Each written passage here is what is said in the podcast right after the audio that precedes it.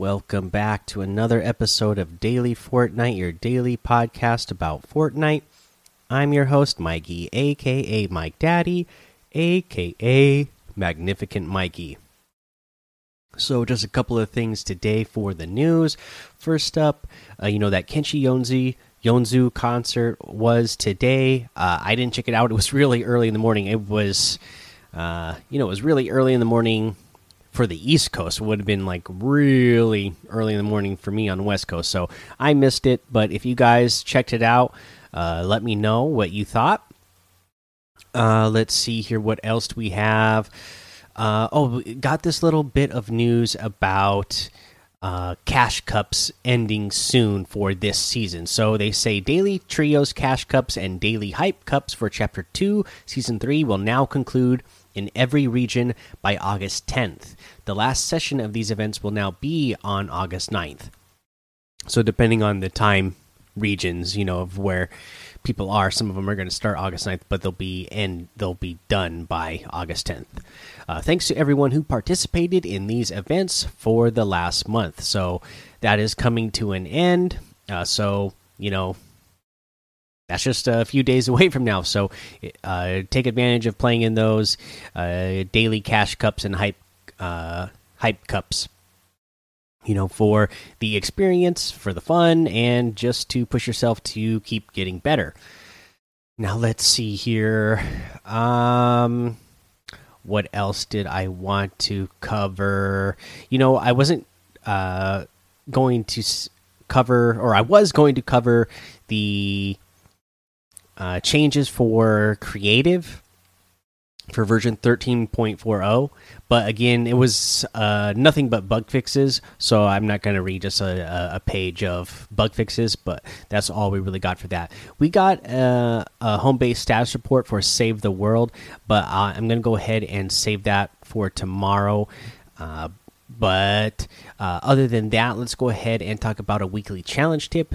There's the challenge where you need to go to uh, you need to complete the boat time trial at motorboat mayhem. If you don't know where motorboat mayhem is it is all the way down in e7 right on the edge of the north end of e7 and the south end of e6 right there. It, so it's the it's in the lake just north of uh, misty meadows.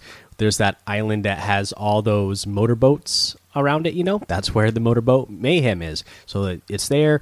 Uh, I do have a YouTube video for it. I was wondering if it was going to be another challenge that you could do by swimming. You definitely can't. You need a motorboat because there are two little dots you have to collect that are up in the air over jumps. So you definitely need the motorboat because you wouldn't be able to swim fast enough, and you wouldn't be able to jump up high enough to get those uh, things you need to collect out of the air uh, without going, you know, jumping off the jump uh, with a motorboat. So you definitely need a motorboat. that's where the location is over there in E7, and uh, it's really not too hard to do. Just take your time doing it. Uh, I I think I boosted like once during the whole time that I did it. So you don't need to boost like crazy while you're doing it. I I tried boosting a couple times going through the course, and I found uh, it just made it a little bit too hard for me to control because some of the turns that you need to do to collect them are a little bit tight. So it, it's kind of hard uh, to do that if you're boosting too much throughout the throughout the time. All right, let's go ahead and take a break here. Okay, let's go over today's item shop. Again, you still have that Summer Legends pack here. You got the Relaxed Fit Jonesy with the Beef Pack backbling for 1,200. Still absolutely love it. I will be wearing this one a bunch. Uh, the Snacks Harvesting Tool for 500 V Bucks. Uh, you have the Christina outfit for 800 V Bucks, and the Sizzle outfit for 800 V Bucks. Uh, for the rest of the new stuff that we have in the item shop today, we have the Venturion outfit with the Venturion Cape back bling for 1,500, the Ventura outfit with the Ventura Cape back bling for 1,500, the Airfoil harvesting tool for 800, and the Triumph glider for 500. Uh, we have the Bush Ranger outfit with the Buzzy Bag back bling for 1,200. And again, I love that this uh, back bling and have this outfit and back bling have a selectable style now where you got the default and the blooming version as well. Both of those are great. Uh, 1,200 for that. The Honey Hitters harvesting tool for 800. Uh, we have the big Chuggus outfit with the Chuggus back bling for 1,500 the double tap harvesting tool for 1200 and the slurp wrap for 300 uh, let's see here uh, we have the trench trawler outfit with the anchor backbling for 1200 the glitter blaster wrap for 500 again that's the one where when you are firing your weapon that it will um, glitter, you know, like goes across your your item, so that's pretty cool. The advanced math emote for 500. The Maki Master outfit for 1200. Uh let's see here with the uh, it comes with the shrimpy back bling as well. Looks like there's this new selectable style for this as well. I don't remember that has this always been here, or is this new? This selectable style where it's all black now?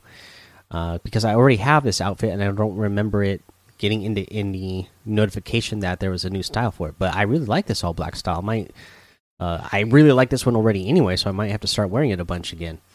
Uh, the mind blown emote for 200 and we got a new emote, the Out West emote for 500 V bucks. Jump off the back of the bus. Uh, I assume that this is some sort of TikTok thing because it says jumping out west, landing out west. Check out these moves by Nicole Bloomgarden. I have no idea who that is, but because it's a dance, I assume it's some sort of TikTok thing. I'm sure the kids could tell me what's going on with that. Uh, but yeah, that's all the items in the item shop today. You can get any and all of those using code Mike Daddy M M M I K E D A D D Y in the item shop, and some of the proceeds will go to help support the show. For today's tip of the day, I want to talk about that crash pad plus launch pad uh, trick that'll help launch you somewhere far and fast without having to glide, so that way you can rotate uh, fast and safely. Uh, and here's what you do: so you build yourself a box, and then on top of your box, you know, you you have your cone, and then you're going to edit your cone in whatever direction that you want to to launch, and then uh, you will take your crash pad, throw it towards the middle. Oh, forgot. You also need to lay down a floor. Uh, on the top on the outside of the box of whichever direction you're wanting to go as well okay so uh, you know you'll have your box the cone and you'll edit it up into either you know in into a ramp or you can edit it into again if you're wanting to go you know to the left or the right you are just editing one corner of it so that corner is open out in that direction uh, but so you will now be inside your box. You'll edit up your cone, and then you throw the crash pad against the against the cone so that it will land on the floor that you built on the outside on the top.